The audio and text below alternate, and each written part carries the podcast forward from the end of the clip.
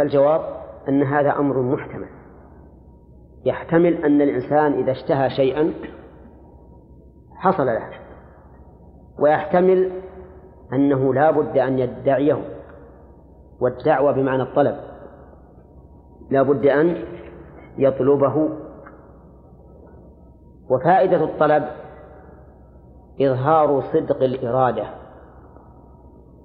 إظهار صدق الإرادة. كما أن الفعل يدل على صدق الإرادة. فلو أن أحد من الناس قال أنا أريد أن أزور فلانا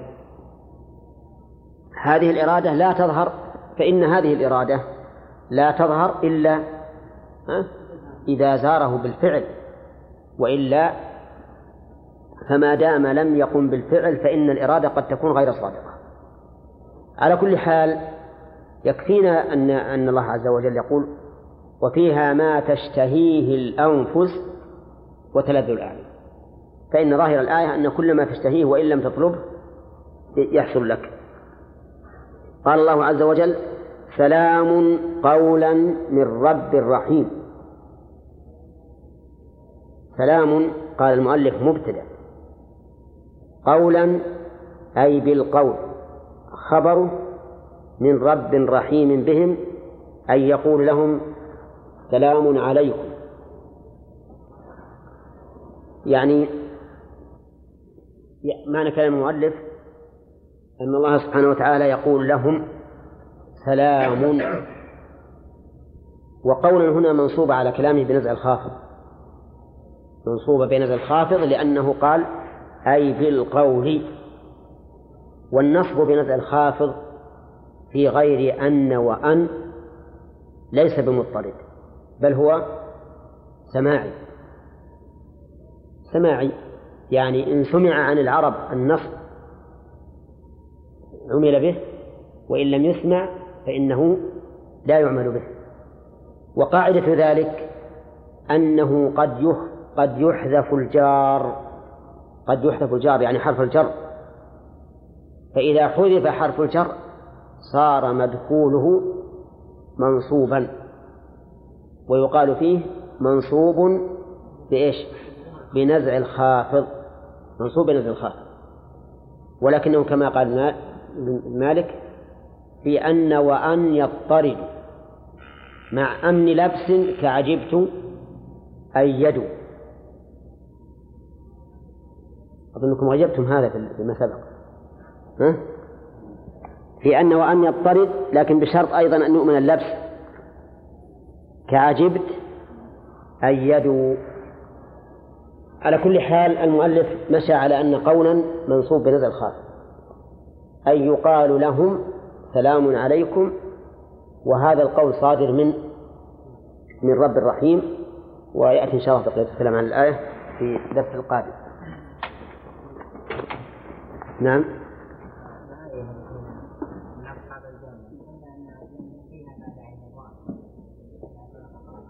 نعم.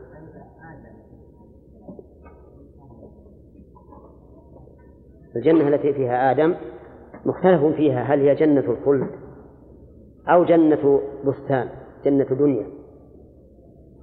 وعلى القول بأنها جنة الخلد وهو الذي أوردت فيه الإشكال يقال إن هذا مستثنى وربما يحدث الله أنواعا وأصنافا من النعيم لم تكن موجودة في عهد آدم. نعم الوهاب. بلى. الذي في الذي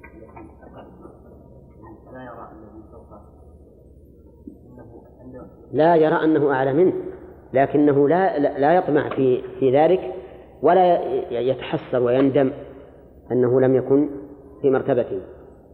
نحن إذا مررنا بالقصور كل واحد منا يقول والله بيتي ما هو شيء عند هذا القصر. ويتمنى أن له هذا القصر إذا كان من أهل الدنيا ولا اللي من أهل الآخرة ما يهمه. لكن هناك لا يحصل في في قلوبهم هذا أبدا. نعم.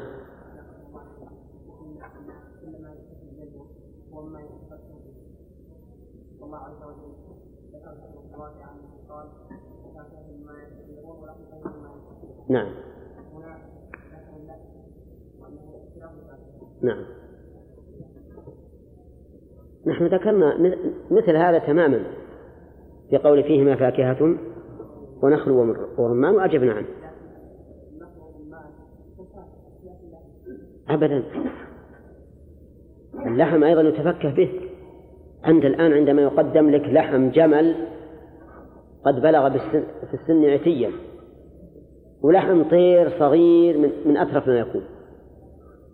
وش يكون لحم الطير بالنسبة للحم الجمال نعم. فاكهة تفكى به. لأن لحم الجمل تقدر تمضغه لك ساعتين ما فتته. فضلا عن أن تصيغ ابتلاعه أما هذا بمجرد يمكن ما يقبل على فمك يتفتت ويذوب بينهما فرق. نعم.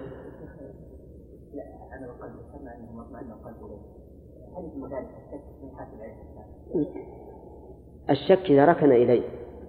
أما إذا طرده ولم يركن إليه واستعاذ بالله من الشيطان الرجيم فهذا لا يضر. يعني مثلا أنا شككت في أن فلانا قدم. شككت في أن فلان قدم. هو صحيح ما عندي ما عندي علم. هذا شك ركنت إليه. لا لكن رجل قادم ثم شككت في قدومه. هذا لا أركن إليه. وإن كان قد يرد على النفس. فالأمور التي يؤمن بها المؤمن هي عنده بمنزلة المشاهد. فإذا طرأ على نفسه ما يوجب الشك طرده.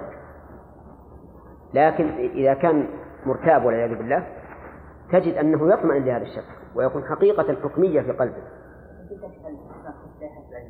نعم. إي نعم إذا طردها إذا الصحابة شكوا إلى الرسول أنهم يجدون في أنفسهم ما يحبون أن يخروا من السماء ولا يتكلمون به. فقال هذا صالح الإيمان. نعم.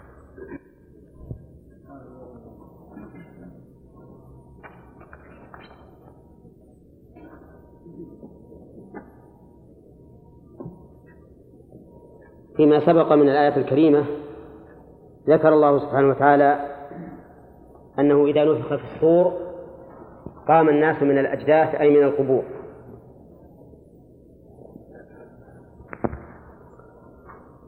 هذا حقك من ها؟ طيب. يقومون إلى ربهم ينسلون. فيقول الكفار يا ويلنا من بعثنا من مرقدنا. ففي هذا دليل أو يؤخذ من هذه الآية فوائد. منها دعاء هؤلاء الكفار على أنفسهم بالويل. إذا شاهدوا الحساب يوم القيامة لقوله يا ويلنا من بعثنا من مرقدنا ومن فوائدها أن البقاء في القبور ما هو إلا كنوم النائم ينام ثم يستيقظ ويغادر المكان لقولهم من مرقدنا.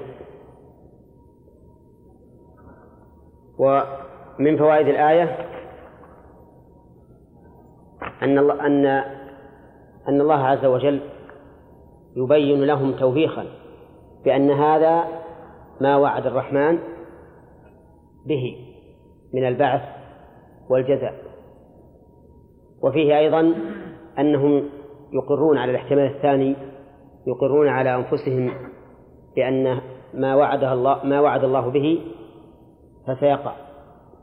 بناء على أن قوله هذا ما وعد الرحمن من كلامه ومن فوائدها أيضا أن الرسل عليهم عليهم الصلاة والسلام صادقون فيما يخبرون به عن الله سبحانه وتعالى وعن غيره لقوله وصدق المرسلون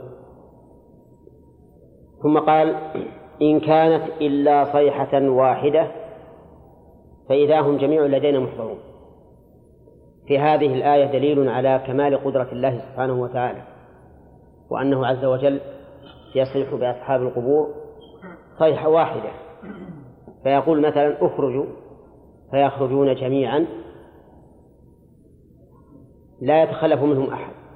وإذا ولهذا قال فإذا هم جميع لدينا محضرون ومن فوائدها أيضا أن الله سبحانه وتعالى إذا أمر بشيء لا يعيد الأمر مرة ثانية بل يكون الشيء بأول مر بأول أمر. ونظير ذلك قوله تعالى وما أمرنا إلا واحدة كلمح بالبصر. الذي يعيد الأمر أو الكلام هو العاجز وأما القادر فلا يعيده.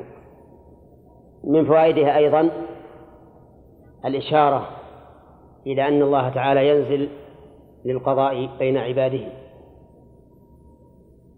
تؤخذ من قوله لدينا محضرون أي عندنا والعند يدل على القرب. وقد ثبتت النصوص أو وقد ثبت بالنصوص أن الله عز وجل ينزل للقضاء بين عباده فيقضي بينهم. ثم قال عز وجل فاليوم لا تظلم نفس شيئا ولا تجزون إلا ما كنتم تعملون. من فوائد الآية الكريمة انتفاء الظلم مطلقا في يوم القيامة لأنه يوم العدل كما قال تعالى ونضع الموازين القسط ليوم القيامة. ومن فوائدها من فوائد الآية الكريمة أن الإنسان لا يظلم لا بقليل ولا بكثير. لأن شيئا نكرة في سياق النفي فتكون للعموم. فإذا قال قائل وفي غير هذا اليوم هل يظلم أحد؟ فالجواب لا. لا يظلم. لكن ذكر هذا اليوم لبيان الواقع لأن هذا اليوم هو يوم الجزاء. فكأنه قال هذا اليوم الذي هو يوم الجزاء ليس فيه ظلم. ونظير ذلك قوله تعالى لا ظلم اليوم طيب. من فوائد الآية الكريمة أن الجزاء من جنس العمل. كقوله ولا تجزون إلا ما كنتم تعملون. فيستفاد منه كمال عدل الله عز وجل. وهذه فائدة متفرعة على الفائدة التي قبلها. فإن قال قائل أليس الإنسان العامل الحسنة يجزى بعشر حسنات؟ فالجواب بلى لكن هذا من الجزاء الذي وعد الله به. فلا يكون منافيا لظاهر الآية لأن الله تعالى وعد من جاء بالحسنة أن أن يجعل له عشر أمثالها. فتكون داخلة في قوله إلا ما كنتم تعملون. ومن فوائد الآية الكريمة جواز التعبير بالسبب عن المسبب. من أين تؤخذ يا عمر؟ كيف ذلك؟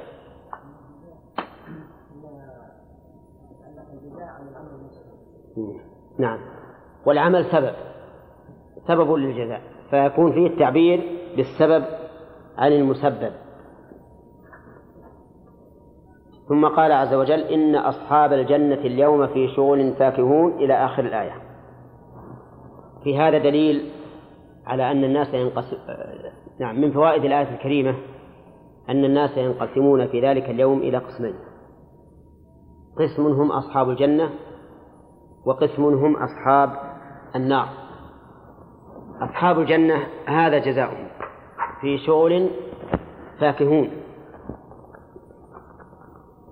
ويستفاد من قول فاكهون كمال نعيمهم لأن كلما كمل النعيم كمل التفكه بهذه النعمة التي يتنعم بها الإنسان. من فوائد الآية الكريمة أيضا أن لأهل الجنة زوجات كقوله هم وأزواجهم في ظلال. وقد وصف الله هؤلاء الزوجات بصفات كثيرة.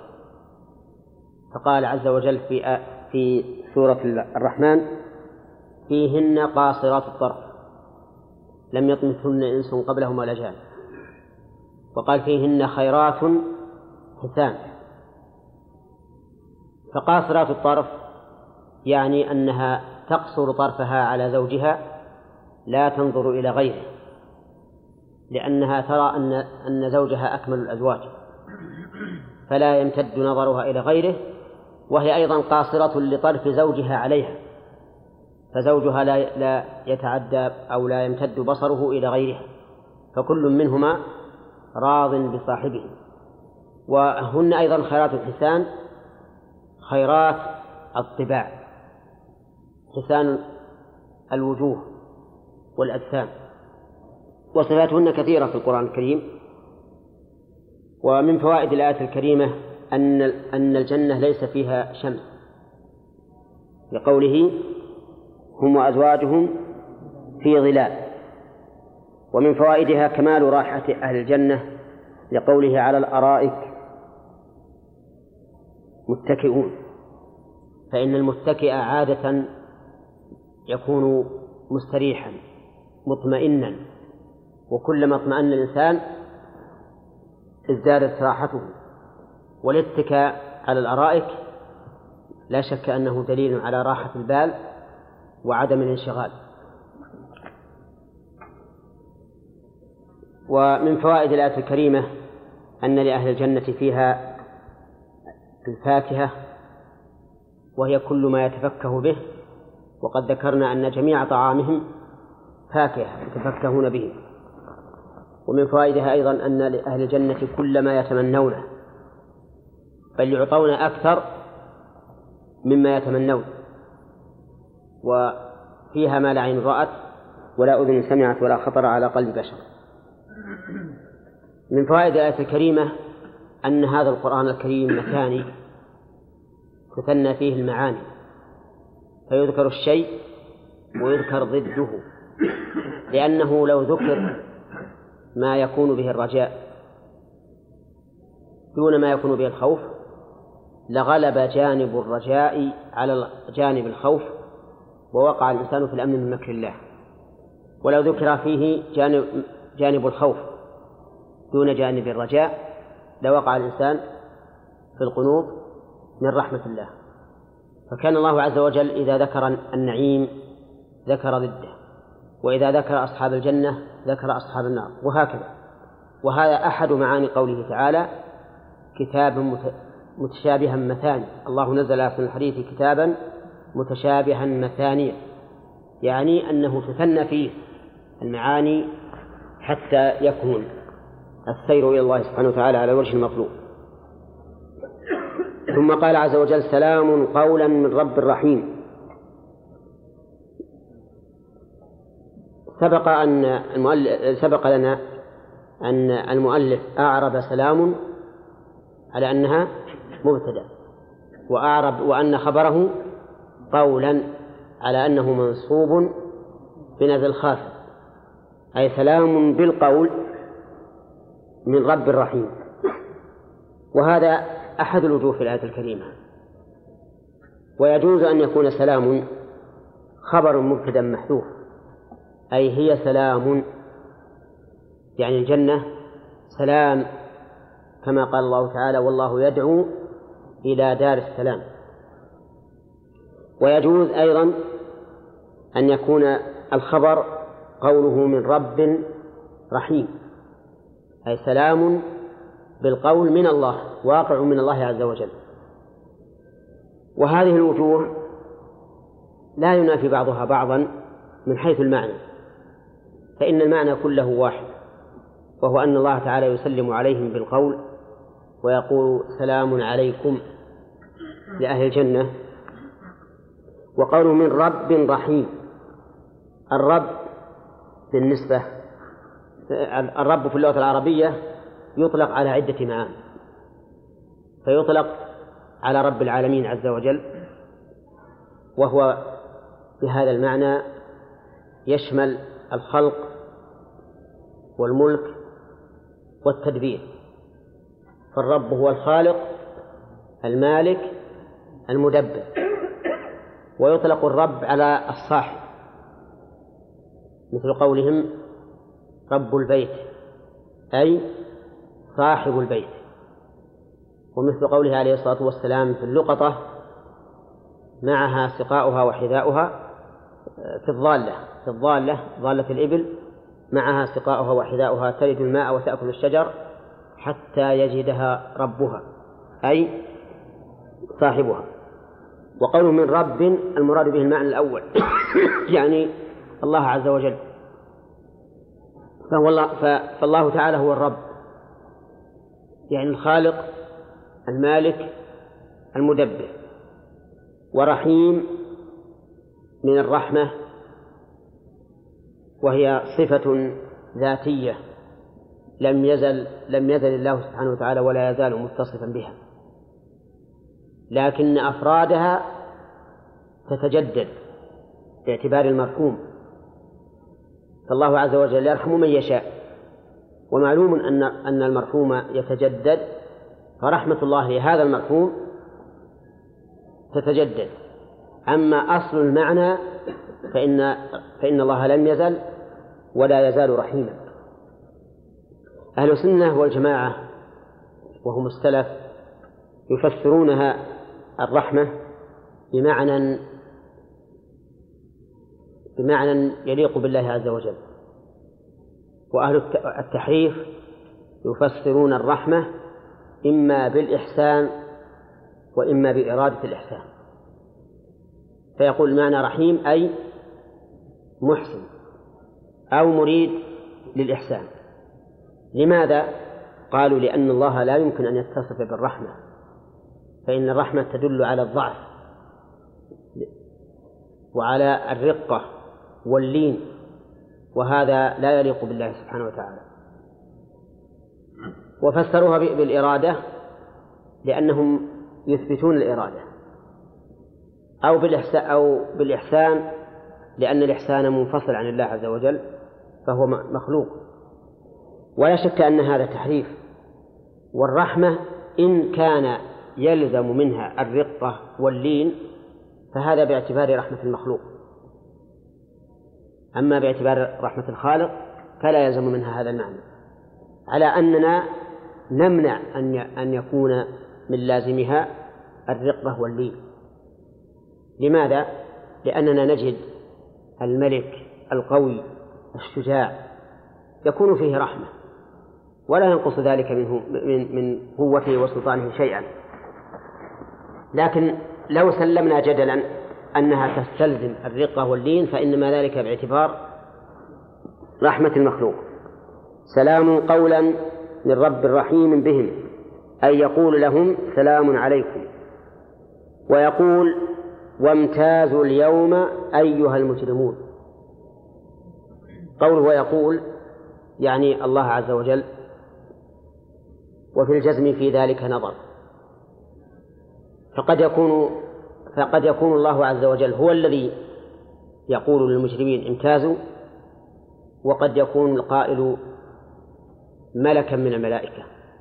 المهم أنه يقال للمجرمين امتازوا اليوم ولهذا لو قال المؤلف ويقال لكان أولى. لأن الجزم بأن القائل هو الله يحتاج إلى توقيف. يعني إلى نص من الشارع. يقول وامتازوا اليوم أيها المجرمون. اليوم. المراد باليوم يوم القيامة فأل هنا فيه للعهد الذكري أيها المجرمون قال المؤلف أي انفردوا عن المؤمنين عند اختلاطهم بهم. يعني يقال يوم القيامة امتازوا أيها المجرمون. تميزوا عن المؤمنين انفردوا عنهم لأن طريق المجرمين غير طريق الأبرار. فالأبرار طريقهم إلى الجنة وهؤلاء طريقهم إلى النار كما قال الله تعالى يوم نحشر المتقين إلى الرحمن وفدا ونسوق المجرمين إلى جهنم وردا. فيمتاز هؤلاء عن هؤلاء. يقال لهم هذا على سبيل التوبيخ. والإهانة لأنك إذا رأيت مجتمعا فقل مثلا أيها الطائفة الفلانية امتازوا ابتعدوا صار في هذا من إذلالهم وإهانتهم ما هو ظاهر. وقول أيها المجرمون من هو المجرم؟ المجرم فاعل الإجرام والإجرام هو الذنب والإثم. أي أيها الآثمون المذنبون امتازوا عن المؤمنين المطيعين. ثم قال ألم أعهد إليكم آمركم يا بني آدم على لسان رسل ألا تعبدوا الشيطان لا تطيعوه إنه لكم عدو مبين بين العداوة وأن اعبدوني وحدوني وأطيعون هذا صراط طريق مستقيم. ألم أعهد إليكم يا بني آدم؟ الاستفهام هنا للتقرير. والغالب أنه إذا وقع بعد الاستفهام ما, ما يدل على النفي فالاستفهام للتقرير. مثل ألم نشرح لك صدرك؟ هذا التقرير. ألم أعهد إليكم يا بني آدم؟ للتقرير. ألم يأتكم رسل منكم؟ للتقرير. أليس الله بكاف عبده؟ للتقرير. أليس الله بأحكم الحاكمين؟ للتقرير. وهكذا. كلما جاء ما يدل على النفي بعد أداة الاستفهام فإن الاستفهام يكون فيه غالبا لإيش؟ للتقرير. طيب هنا تقرير. يقرر الله عز وجل أنه عهد إليه. ولهذا يصح أن يحول في غير القرآن إلى فعل ماضي فيقال قد عهدت إليكم. قد عهدت إليكم. فإذا قال قائل ما المراد بهذا التقرير؟ المراد به التوبيخ. يعني يقرر الله هذا الأمر توبيخا لهم وإقامة للحجة عليهم. أن الله عهد إليهم أن لا يعبد الشيطان والعهد إلى إلى الشيء. فسره المؤلف بأنه الأمر. يعني ألم آمركم ولكنه في الحقيقة أبلغ من الأمر لأن لأن العهد إليه كأنه متضمن للعهد والميثاق وهو كذلك فإن الله قد أخذ علينا الميثاق أن لا نعبد إلا إياه وأن لا نعبد الشيطان لأنه عدو.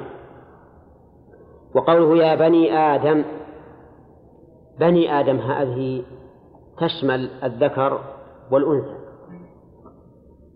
وإن كان الابن يقال في الأصل للذكر والبنون تقال في الأصل للذكور لكن إذا كان مضافا إلى إذا كان المراد به القبيلة أو الجنس فإنه يشمل الذكر والأنثى. حتى إن الفقهاء رحمهم الله قالوا إذا وقف على بني تميم شمل ذكورهم وإناثهم لكن إذا وقف على بني فلان واحد من الناس ما هو قبيلة؟ فإنه يختص بمن؟ بالذكور فقط. فبنو آدم هنا قبيلة بل شامل لكل القبائل فيشمل الذكور والإناث. وقولها ألا تعبد الشيطان. فسر المؤلف العبادة هنا بالطاعة. لأن طاعة الغير في محارم الله نوع من العبادة. كما قال الله تعالى اتخذوا أحبارهم ورهبانهم أربابا من دون الله والمسيح ابن مريم وما أمروا إلا ليعبدوا إلها واحدا لا أن يعبدوا أربابا كثيرة. قال عدي, عدي بن حاتم يا رسول الله إنا لسنا نعبدهم يعني لسنا نصلي أو نركع أو نسجد لهم قال أليس يحلون ما حرم الله فتحلونه ويحرمون ما أحل الله فتحرمونه؟ قال نعم. قال فتلك عبادتهم. وهذا الحديث وإن كان ضعيفا لكن الواقع أن هذا هو الحقيقة. أن طاعة غير غير الله في مخالفة أمر الله نوع من العبادة لأن العبادة في الأصل هي التذلل والخضوع وطاعة الأمر تذلل وخضوع. وقولها الشيطان هل المراد بذلك الجنس أو المراد الشيطان المعين؟ الظاهر أن المراد به الجنس فيشمل شياطين الإنس وشياطين الجن. فكما أن للجن شياطين فللإنس أيضا شياطين. يوجد من من من الإنس شياطين. يأمرون الناس بالإثم والعدوان وينهونهم عن البر والإحسان. وقولها لا تعبد الشيطان؟ إنه لكم عدو مبين. بين العداوة. إنه أي الشيطان لكم عدو مبين. كل إنسان أو كل أحد يأمرك بمخالفة أمر الله فهو عدو لك. شعر بذلك أم لم يشعر؟ وعلى رأسهم الشيطان الأول الذي يقود كل شيطان. قال إنه لكم عدو العدو ضد الولي. والولي من يتولاك ويحوطك ويعتني بك فالعدو ضده هو الذي لا يريد لك الخير وإنما يريد لك الشر. وقوله مبين قال بين العداوة. كيف فسر مبين ببين؟ نقول لأنها من أبانا وأبانا تأتي بمعنى أظهر وتأتي بمعنى ظهر فإن كانت بمعنى أظهر فهي متعدية وإن كانت بمعنى ظهر فهي لازمة. ولا يمكن أن نقول إنها من المتعدي أو اللازم إلا بقرينة من السياق. فهنا نقول مبين إذا فسرناها بما فسر به المؤلف بين العداوة صارت من اللازم ولا من المتعدي؟ من اللازم. مع أنه يمكن أن نجعلها من المتعدي. ونقول مبين مظهر للعداوة لأنه يأمرك بالشر. لكن هذا ضعيف. إذ لو أبان عداوته ما تبعه أحد. وإنما يغر الناس كما قال تعالى فدلاهما بغرور. طيب إذن نجعل مبين هنا من باب اللازم من أبان بمعنى ظهر.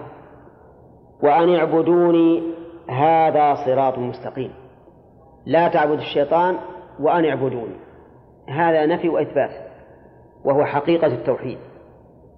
وأن اعبدوني أن هنا مصدرية.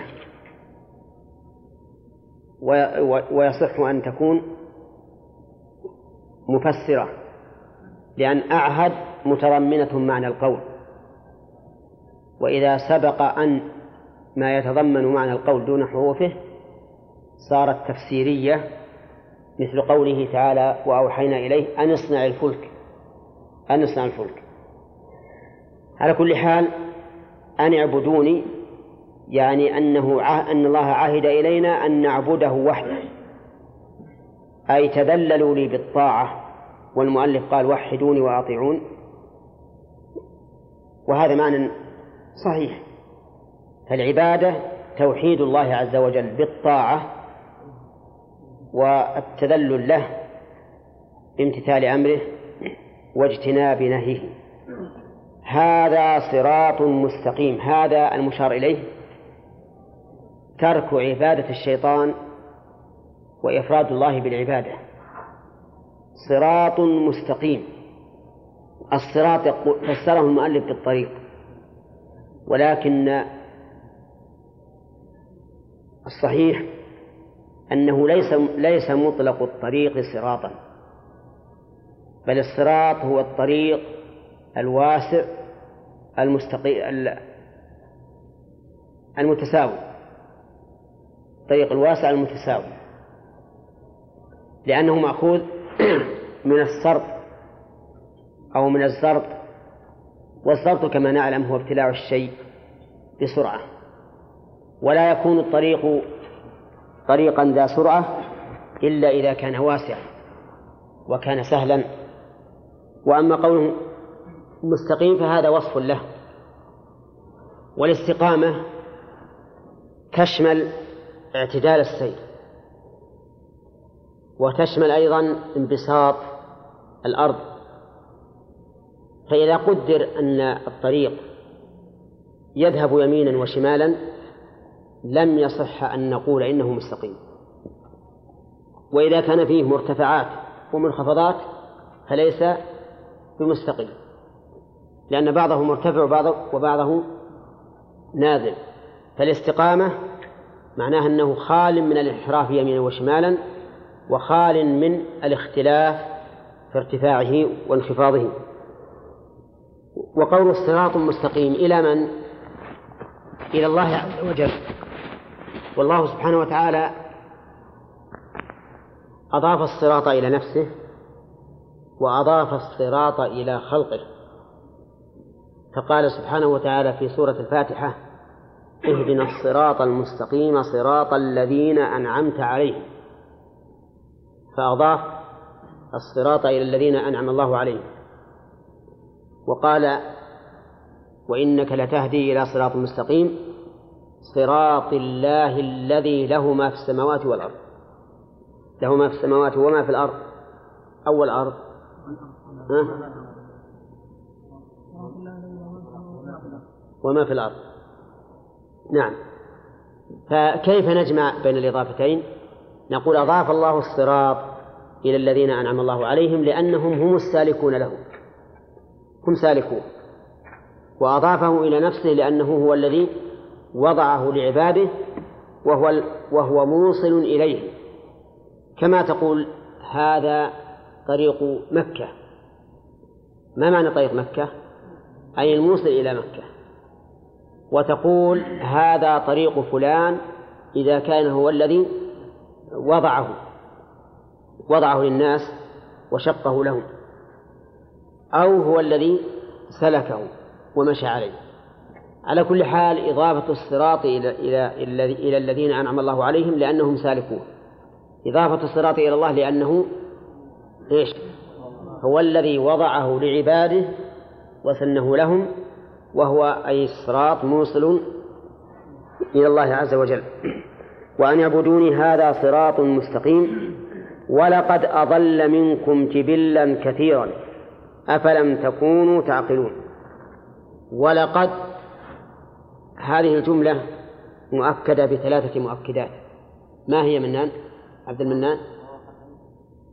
إيش؟ وين الواو؟ وين الواو؟ ها. إيش؟ نعم. اللام وقد لا. القسم مقدر لأن اللام هذه موطئة للقسم. فتكون هذه الجملة مؤكدة بثلاثة مؤكدات. هداية الله. القسم أين القسم؟ أحسن. التقدير والله لقد أضل. طيب إذا قال قائل كيف يقسم الله عز وجل؟ وهو الصادق القول بلا قسم. نقول نقول في الجواب على ذلك وجوه. الوجه الأول الإشارة إلى أن هذا أمر هام. يحتاج إلى إلى إيش؟ إلى القسم عليه. لأنه لولا أهميته ما أقسم عليه. ثانيا أن القرآن نزل باللغة العربية ومن أساليب اللغة العربية أن الشيء إذا أريد إثباته وتحقيقه فإنه يقسم عليه. والقرآن كما نعلم نزل بلسان عربي مبين. الثالث أن المقسم به إذا كان صريحا أي مصرحا به فإن الإقسام به يدل على عظمته. فإن الله لا يقسم بشيء إلا لعظمة ذلك الشيء. مثل قوله والشمس وضحاها والقمر إذا تلاها إلى آخر. إلى آخر أو آه، وما أشبه ذلك مما أقسم الله به فإنه يدل على عظمة المقسم به. نعم.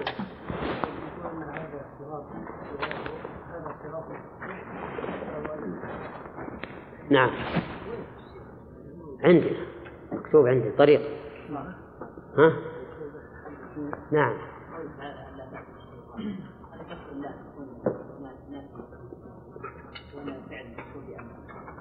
كيف؟ يحتمل أن تكون نافية والفعل منصوب بأن. أو أن لا ناهية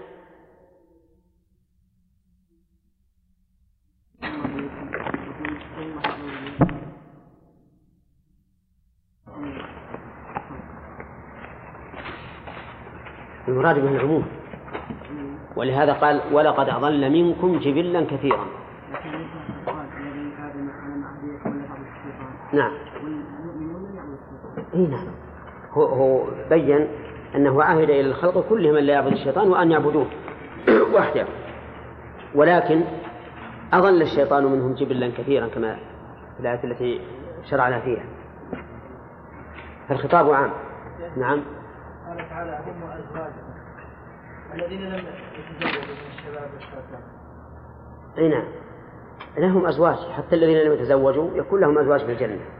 من الحور العين ومن نساء الدنيا اللاتي لم يتزوجن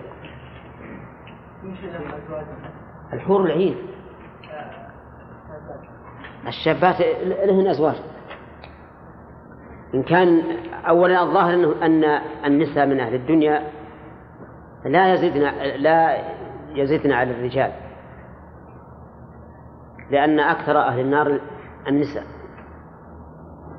فالنساء أكثر هن أكثر أهل النار. وإذا قدر أن عدد النساء من أهل الدنيا زاد على عدد الرجال فإنه يمكن أن يجمع الإنسان بين زوجتين أو أكثر.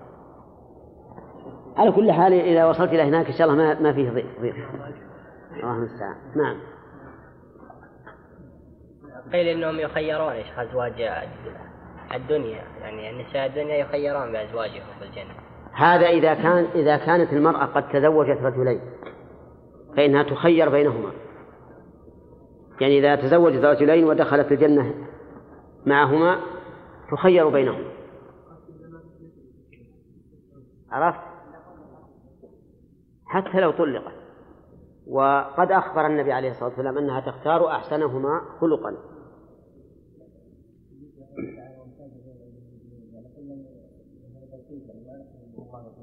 نعم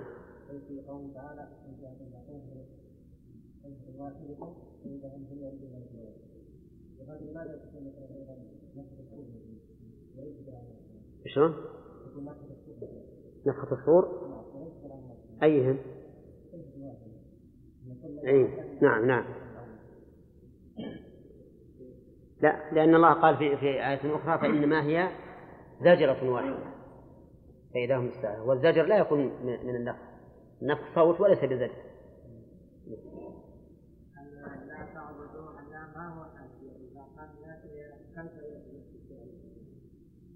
لا يكون منصوب بأن. أي نعم. إن جعلنا لا نافية فهو منصوب بأن. وإن جعلناها ناهية فهو مجزوم بها. نعم.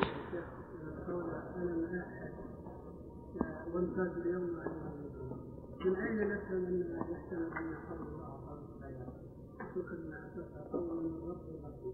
نعم.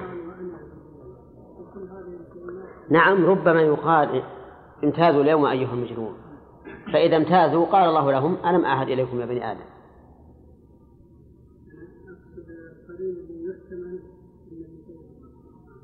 نعم في احتمال لكن ما نجزم به.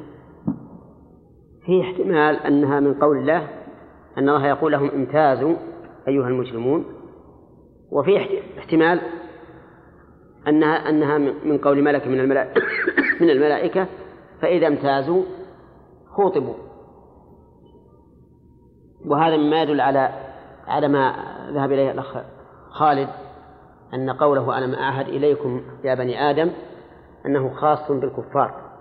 لكن قوله ولقد أضل منكم جبلا كثيرا لأنهم لو كانوا هم الكفار لكان قد أضلهم كلهم. أنا فاهم فاهم بارك الله فيك. فاهم لكن الجزم يحتاج إلى توقيف.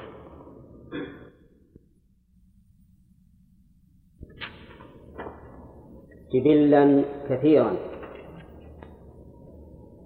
أفلم تكونوا تعقلون؟ عندكم هكذا جبلا؟ جبلا. جبلا. المشكلة اللي عندي جبلا. وصلنا إلى هذا. قوله تعالى وامتازوا اليوم أيها المجرمون فيها من الفوائد. سلام قولا من رب رحيم.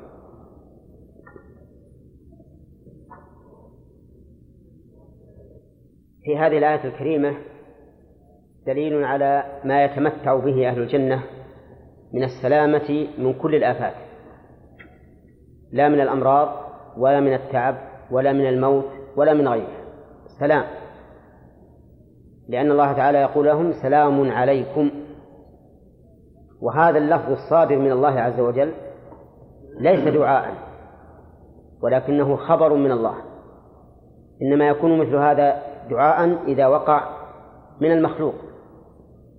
أما إذا كان من الخالق فهو خبر.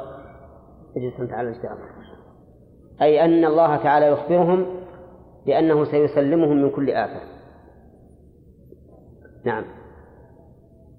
ومن فوائدها إثبات الربوبية وهي هنا فيما يظهر من الربوبية الخاصة. والربوبية تنقسم إلى قسمين خاصة وعامة. فالعامة هي الشاملة لجميع الخلق فإن جميع الخلق مربوبون لله عز وجل هو خالقهم مالكهم مدبرهم. ومنها قوله تعالى الحمد لله رب العالمين. أما الربوبية الخاصة فهي المختصة بعباد الله المخلصين. من من عباد الله المؤمنين من الرسل وأتباعهم. وهي أخص من الأولى لأنها تقتضي عناية خاصة بالمربوب وتوفيقا له وإصلاحا لحاله. ومنها قوله تعالى رب موسى وهارون فإن موسى وهارون من عباد الله المخلصين فكانت الربوبية في حقهما خاصة. ومنه دعاء المؤمنين لله عز وجل بهذا الاسم مثل ربنا إننا آمنا فاغفر لنا. فإن المراد به الربوبية الخاصة لأن التوسل بالأخص أخص بالدعاء من التوسل بالأعم. طيب. وقد اجتمع القسمان في قوله تعالى قالوا آمنا برب العالمين رب موسى وهارون. الأولى والثانية خاصة. إذا كم أقسام الربوبية؟ السؤال خاص.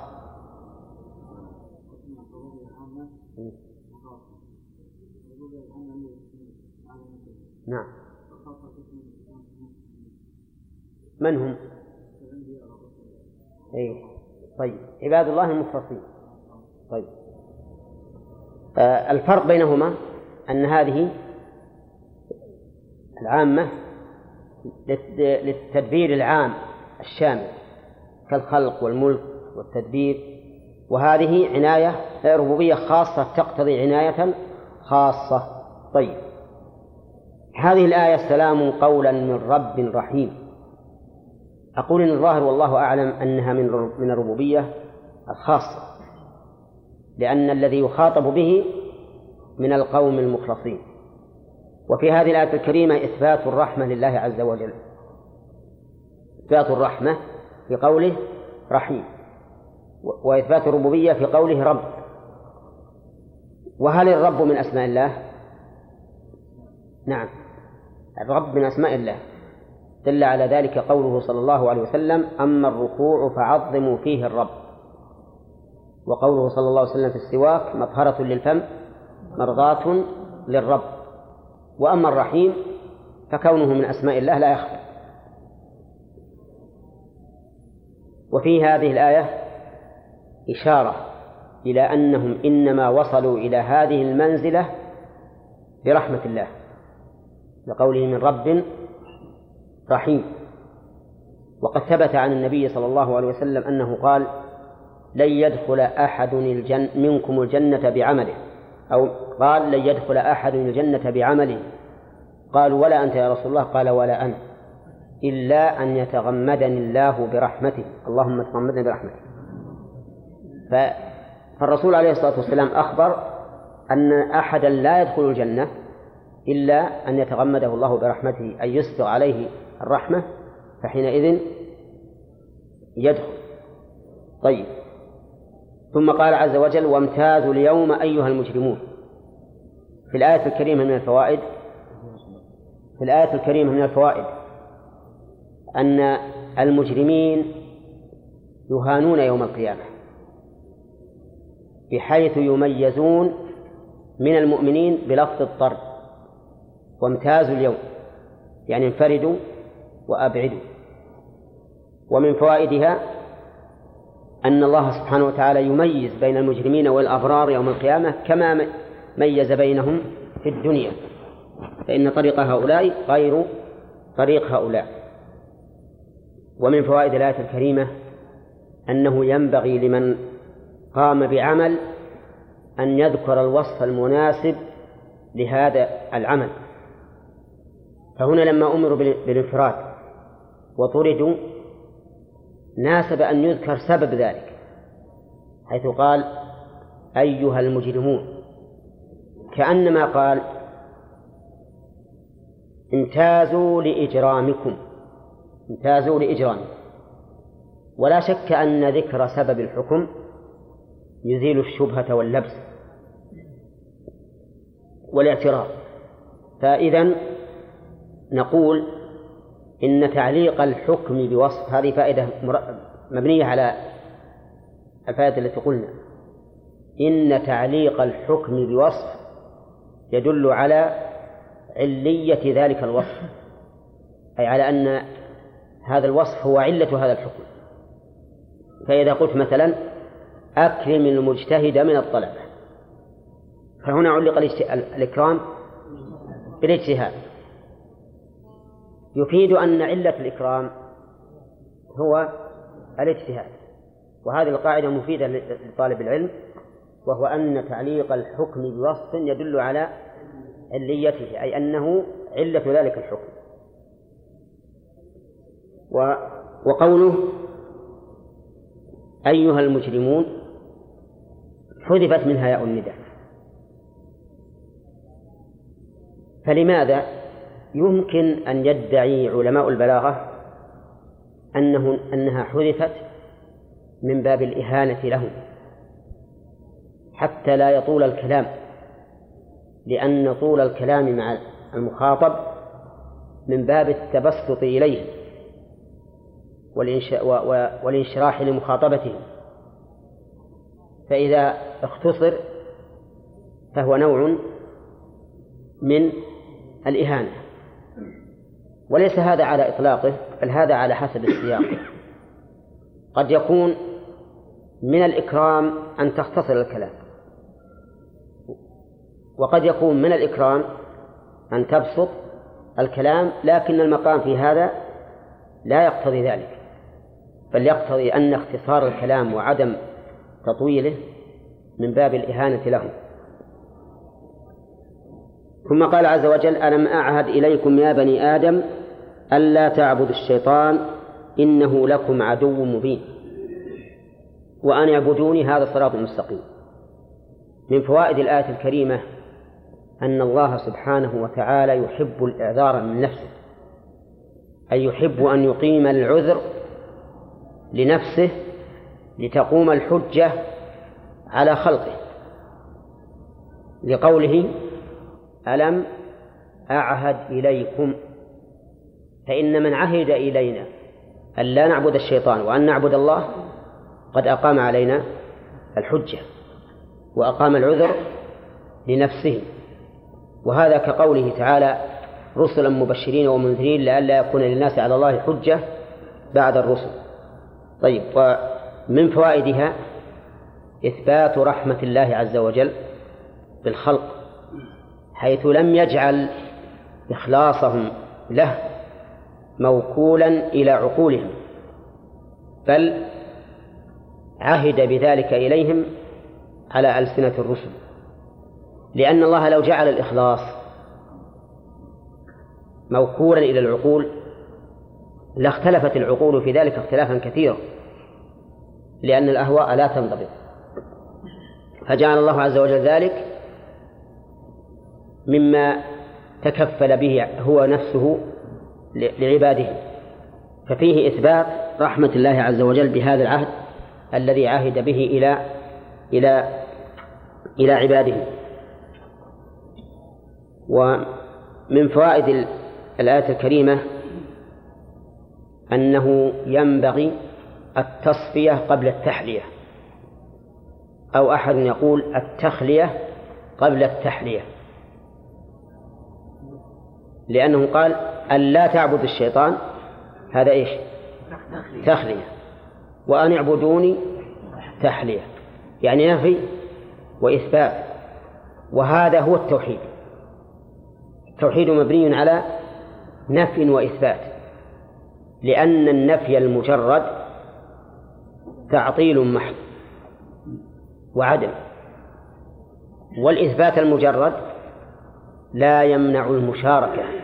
لا يمنع المشاركة. إذا لا يكون التوحيد إلا بنفي وإثبات إلا بنفي وإثبات.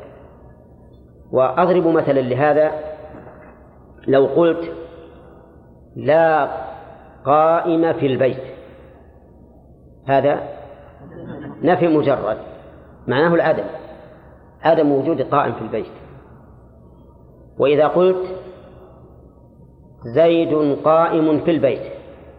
هذا إثبات مجرد. لا يمنع المشاركة. أي قد يكون رجل آخر في البيت قائم. فإذا قلت لا قائم في البيت إلا زيد حينئذ تحقق الانفراد وتحقق التوحيد. وصار لا يوجد قائم في هذا البيت إلا زيد. إذن التوحيد لا بد فيه من هذين الأمرين النفي والإثبات. ولكن بماذا يبدأ؟ يبدأ أولا بالنفي ليرد الإثبات على مكان خالي خال من الشوائب خالص صالح لاستقرار الإثبات فيه. ولهذا يبدأ بالنفي ثم بالإثبات. كذا مهند؟ طيب. وهذا في القرآن كثير. استمع إلى قوله تعالى وإذ قال إبراهيم لأبيه وقومه إنني براء مما تعبدون إلا الذي فطرني. فتبرأ أولا من كل معبود ثم أثبت العبادة لله وحده الذي فطره. إلا الذي فطرني فإنه سيهدين. من فوائد الآية الكريمة أن طاعة الشيطان في معصية الله ولا تكون طاعة الشيطان إلا في معصية الله. نوع من العبادة لقوله ألا تعبد الشيطان لأن الطاعة فيها نوع من التذلل والعبادة هي التذلل. فمن أطاع الشيطان في معصية الله فقد عبده. ومن فوائدها أن العبادة لا تختص بالركوع والسجود والذبح والنذر وما أشبه ذلك. بل هي عامة شاملة لكل طاعة يكون فيها كمال التذلل فهو فهي عبادة. ومن فوائد الآية الكريمة وجوب الحذر من طاعة الشيطان حيث سمى الله تعالى طاعته عبادة. وكل إنسان يحذر من أن يعبد مع الله غيره. ففيه التحذير من طاعة الشيطان في معصية الله عز وجل. ومن فوائد الآية الكريمة وجوب عبادة الله وحده بقوله وأن اعبدوني. والعبادة تطلق على معنيين. أحدهما التعبد والثاني المتعبد به. التعبد يعني التذلل لله عز وجل. وهي بهذا المعنى فعل العبد. فعل العبد. يعني صلاته صيامه حجه وزكاته وما أشبه ذلك. وتطلق العبادة على المتعبد به. وهي بهذا المعنى كل اسم جامع لما يحبه الله ويرضاه من الأقوال والأفعال. يعني اسم جاء هي العبادة اسم جامع لكل ما يحبه الله ويرضاه من الأقوال والأعمال الباطنة والظاهرة القلبية والجوارحية. إذا تطلق العبادة على الأول التعبد وهو فعل العابد والثاني المتعبد به وهي العبادات القائمة المشهورة. ومن فوائد الآية الكريمة أن الصراط المستقيم هو التوحيد. لقوله هذا صراط مستقيم. هذا أي ترك عبادة الشيطان والالتزام بعبادة الله صراط مستقيم أي طريق مستقيم لا عوج فيه. وإنما كان كذلك لأنه موصل إلى رضا الله تعالى وجنته فهو صراط مستقيم. طيب ومن فوائد الآية الكريمة أن الصراط قد يكون مستقيما وقد يكون معوجا. قال الله تعالى وأن هذا صراط مستقيما فاتبعوه ولا تتبعوا السبل فتفرق بكم عن سبيله كل واحد من البشر له طريق. فإن كان على شرع الله فهو مستقيم وإن كان على خلافه فهو معوج. ثم قال الله تعالى ولقد أضل منكم جبلا كثيرا. أقرأها على قراءة المصحف أظن وقفنا على هذه الآية. تكلمنا على أولها وهي قوله ولقد أضل. قال عز وجل ولقد أضل منكم جبلا كثيرا. أضل الإضلال بمعنى الإضاعة والصرف عن الصراط المستقيم. قبل أن نبدأ وش عندك يا غانم تبي تسأل؟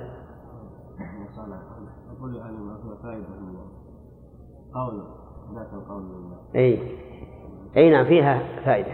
سلام قولا من رب الرحيم فيها إثبات أن الله يقول ويتكلم وهذا حق. وقد اختلف أهل القبلة في كلام الله عز وجل. فمنهم من قال إنه يتكلم بحرف وصوت على وجه يليق به ولا يشبه صوته أصوات المخلوقين. ومنهم من قال إنه لا يتكلم ولكن يخلق كلاما ينسبه إليه تشريفا وتكريما. ومنهم من قال إنه يتكلم لكن كلامه ما يقدره في نفسه وأما ما يسمع فهو مخلوق. فالأول مذهب أهل السنة والجماعة والثاني مذهب المعتزلة ومن ومن وافقه والثالث مذهب الأشاعرة. وحقيقة الأمر أن مذهب الأشاعرة هو مذهب المعتزلة لأن الكل منهم متفقون على أن ما بين أيدينا من المصحف مخلوق. لكن الجهمية والمعتزلة قالوا هو كلام الله وأولئك قالوا عبارة عن كلام الله. فهم أسوأ منهم من هذه الناحية. لأن المعتزلة والجهمية يقولون إن القرآن كلام الله كما قال الله عنه إنه كلام الله. وإن أحد من المشركين استجارك فأجله حتى يسمع كلام الله. لكن هم يقولون حتى أسمع كلام الله أي الكلام الذي هو عبارة عن كلام الله. فأيهما أقرب إلى الحقيقة؟ الجمهية والمعتزلة. ولكن كل منهم في ضلال مبين. الصواب أنه كلام الله تكلم به بنفسه وسمع منه. سمعه جبريل وألقاه إلى محمد صلى الله عليه وسلم. نعم. هذه فائدة مهمة وطيبة. لكن أنا أريد منكم إذا كنت تستنبط الفوائد أن لا تتكلموا بشيء.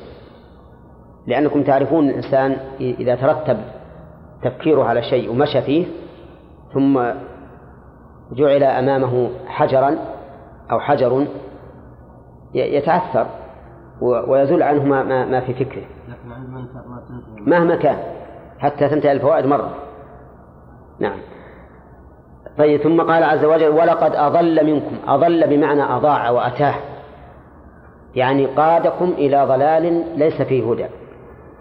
أضل منكم جبلا. جبلا قال المؤلف خلقا. جمع جبيل كقديم. وفي قراءة بضم الباء جبلا والقراءة هذه سبعية وإلا شاذة. سبعية. وفي قراءة. ها؟ سبعية؟ نعم.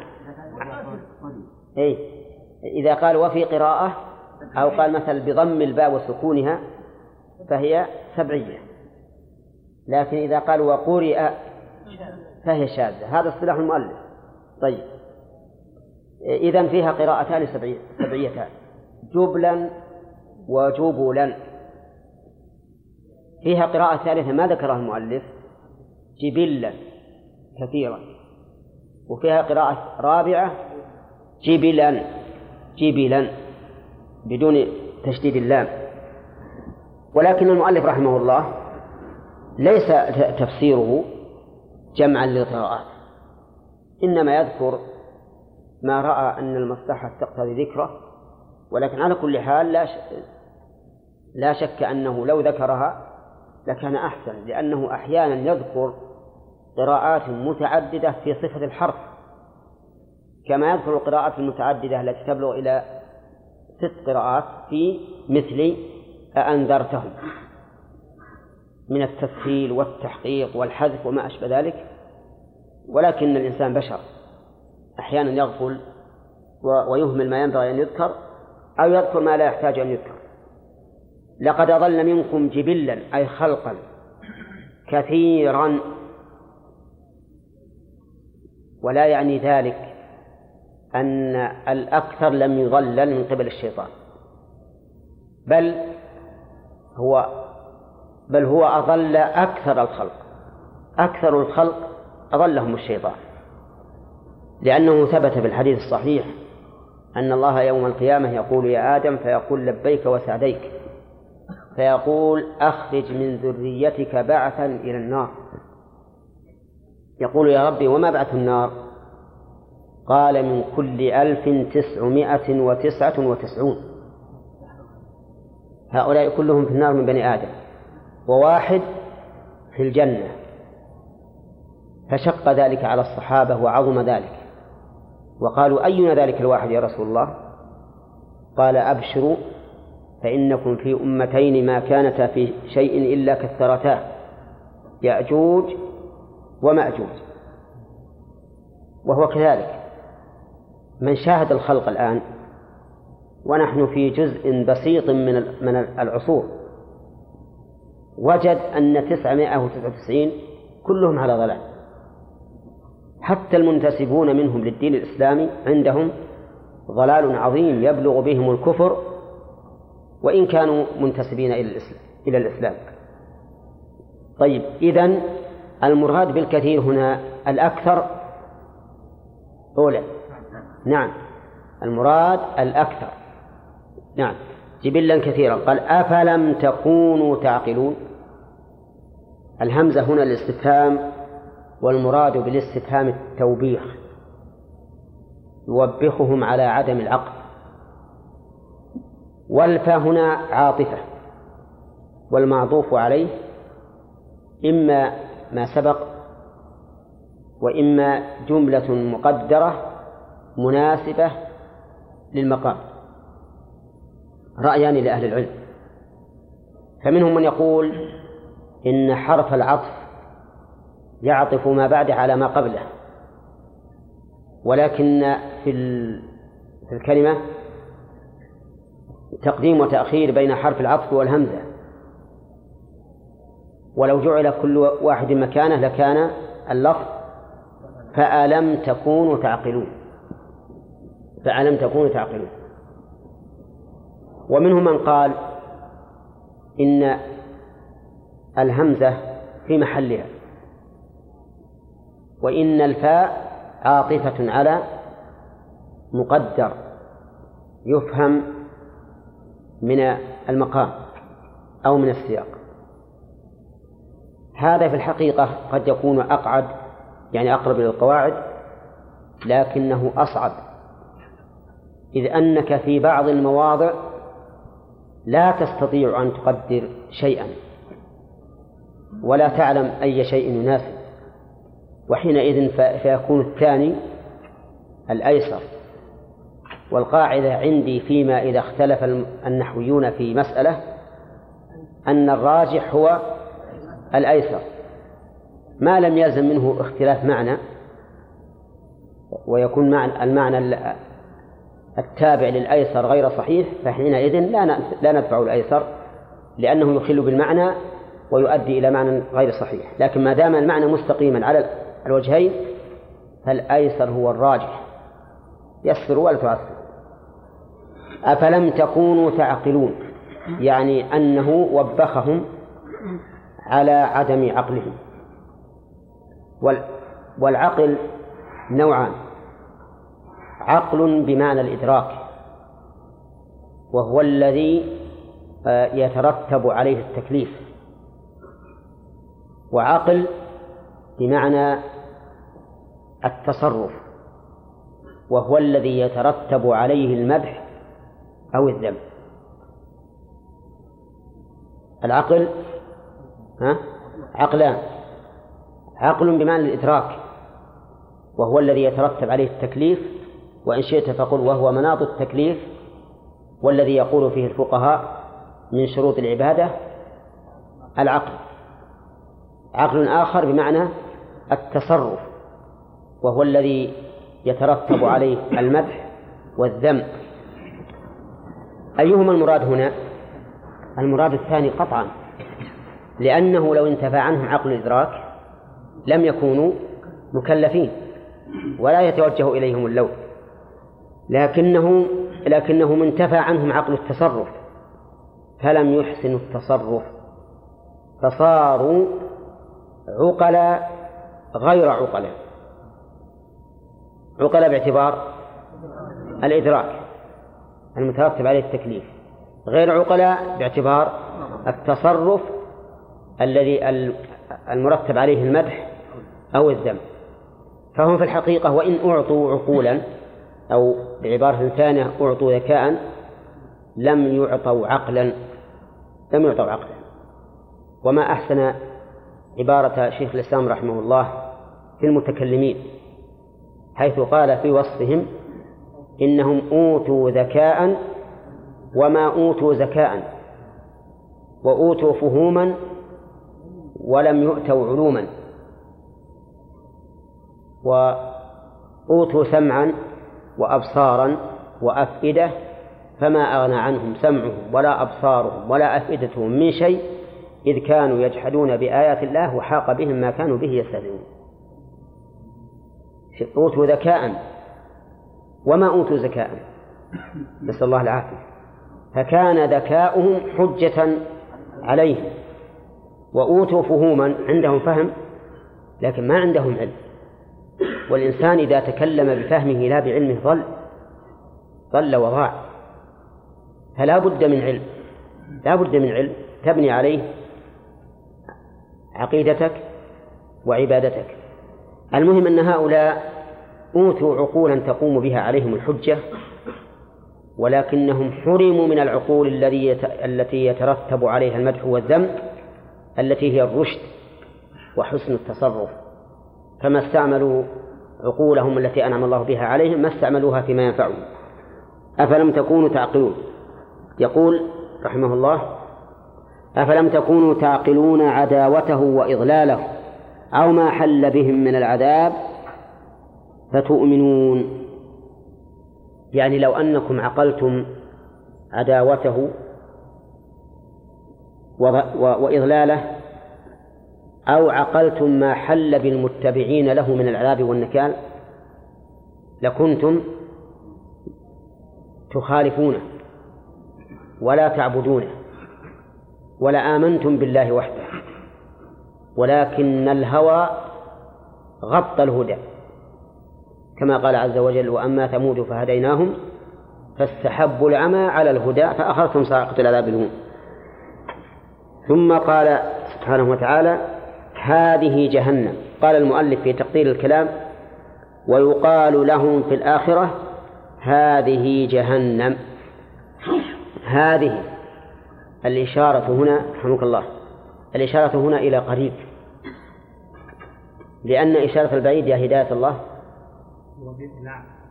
بأولئك. كذا؟ هذه جهنم. لكن إشارة البعيد بأولئك للجماعة وإشارة البعيد للواحد تلك مثلا أو ذلك. طيب هنا يقول هذه جهنم. إشارة إلى قربها منه لأنه يؤتى بها يوم القيامة تقاد بسبعين ألف زمام. كل زمام يقوده سبعون ألف ملك. تقاد ويؤتى بها ويشاهدها الناس ويلحقهم من الرعب العظيم ما لا يقدر الواصفون على وصفه. ويقال لهؤلاء المجرمين هذه جهنم التي كنتم توعدون بها. وفي آية أخرى يقال قال الله فيها يوم يدعون إلى نار جهنم دعا هذه النار التي كنتم بها تكذبون. اصلوها فاصبروا أو لا تصبروا سواء عليكم. إنما تجزون ما كنتم تعملون. كانوا في الأول قبل أن يدعون إليها كانوا يقال لهم التي كنتم توعدون. فإذا دعوا إليها والدع يدل على أنهم يتراجعون على أعقابهم خوفا منها ولكنهم يدفعون دفعا بقوة والعياذ بالله إليها ويقال هذه النار التي كنتم بها تكذبون. التكذيب عنف في رد الحق. والدع عنف ولا لا؟ عنف. فصار الجزاء من جنس العمل. أما حين عرضت عليهم وقربت منهم فقيل لهم هذه جهنم التي كنتم توعدون. وهنا إشكال وهو أنهم أنه قيل إن الوعد في الخير والإعادة في الشر. وعليه قول الشاعر وإني وإن أوعدته أو وعدته لمخلف إيعادي ومنجز موعدي. وهنا قال توعدون نقول نعم الأمر كما قال المفسر على حذف معلوم وهو قوله بها. توعدون بها لا توعدونها. لو قال توعدونها لصار الإشكال محل. كما فإن الجنة قال الله فيها جنات عدن التي وعد المتقون. وعد الله الذين آمنوا وعملوا الصالحات جنات. لكن هؤلاء وعدوا بها. يعني أنه قيل لهم إنكم سوف تلاقونها. وهذا هو الواقع. ثم ذكر اصلوها اليوم بما تذكرون للدرس القادم. نعم عادل. إيش؟ قوله ولا قوله؟ نعم. ها؟ نعم. أله أيهم نعم.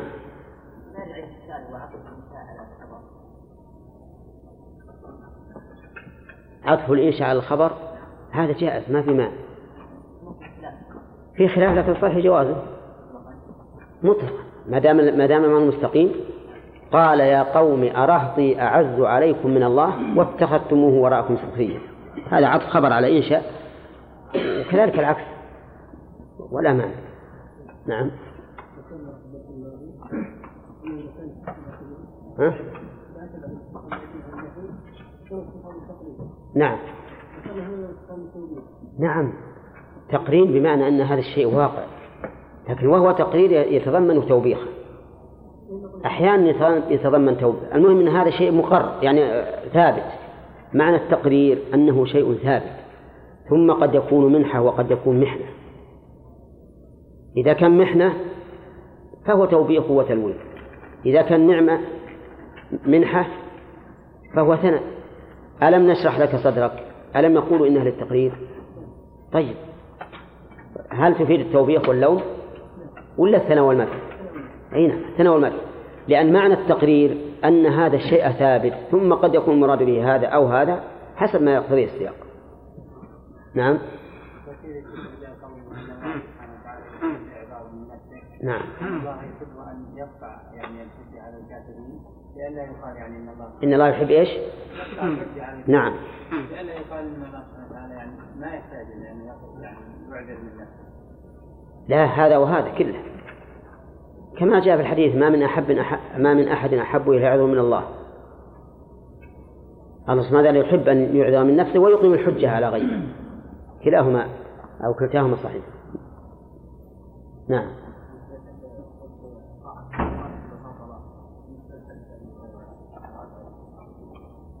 أي نعم. أبو هريرة ما أطاعه إلا حينما قال له الرسول صدقه وهو كذوب. أقره الرسول عليه الصلاة والسلام. نعم.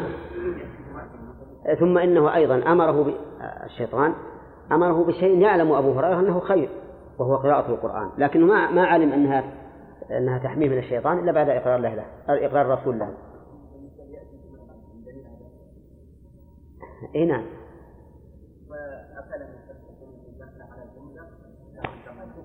نعم. كيف استغل يأجوج ومأجوج؟ يمكن من الذين يرون أنهم بعض العامة يقول يأجوج ومأجوج هؤلاء ما هم من بني آدم. وأنهم مختلفون جنس يختلف اختلافا عظيما. منهم من يترادف العشرة أو العشرين على المد من الطعام لا يبلغون أعلاه نعم. ومنهم من هو كبار الأجسام طوال الآذان. له أذنان يفترش إحداهما ويلتحف الأخرى. نعم. يختلفون لكن الصحيح أنهم من بني آدم. صحيح أنهم من بني آدم لا شك في ذلك.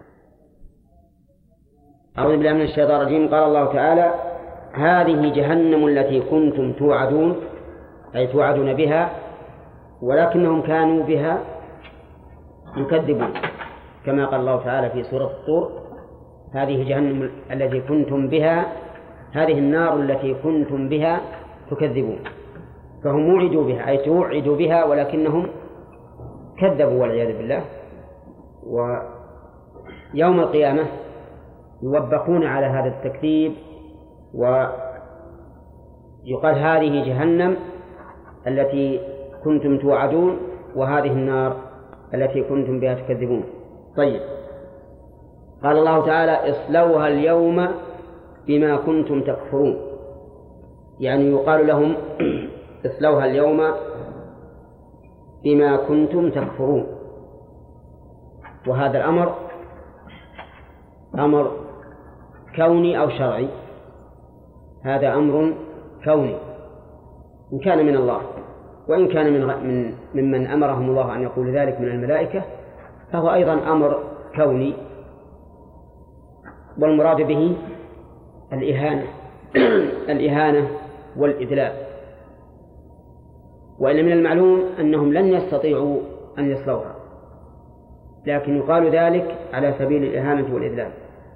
اليوم أل هنا للعهد؟ الذكر لا للذكر. وقد يكون بالنسبة لمخاطبة هؤلاء الكفار للعهد الحضور. يعني هذا اليوم الحاضر اصلوا النار فيه. يتردد علينا كثيرا العهد الذكري والحضور والذهن. فما هو الفرق بين هذا يا عثمان وما حضر عثمان؟ ها؟ إيه. إن دار الله؟ الذكر الحضوري. العهد العهد الحضوري. العهد الحضوري يعني هذا الشيء يعني حاضر امامه نعم. فيدخل عليه امام طيب. والعهد الذكري أي سبق ذكره عليه يعني في الكلام. طيب. لا هاي الأمثلة يعني الذهني. والعهد الذهني أي أنه يعني معروف بالذهن. معروف بس خلاص. كذا. إذا العهد الحضوري ما كان معهودا لحضوره والذكر ما كان معهودا لذكره. والذهن ما كان معهودا في الأذهان. فمثلا إذا قلنا اذهب إلى القاضي وأنت مثلا في بلد إلى أي قاضي تذهب؟ إلى قاضي البلد نفسه لأن هذا معلوم في الذهن.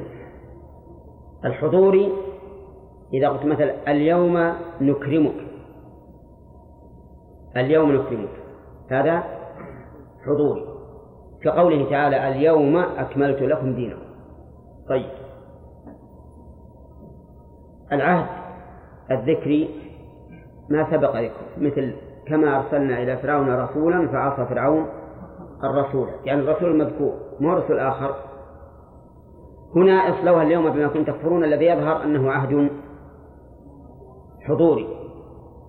وقول بما كنتم تكفرون ما مصدرية أي بكونكم تكفرون.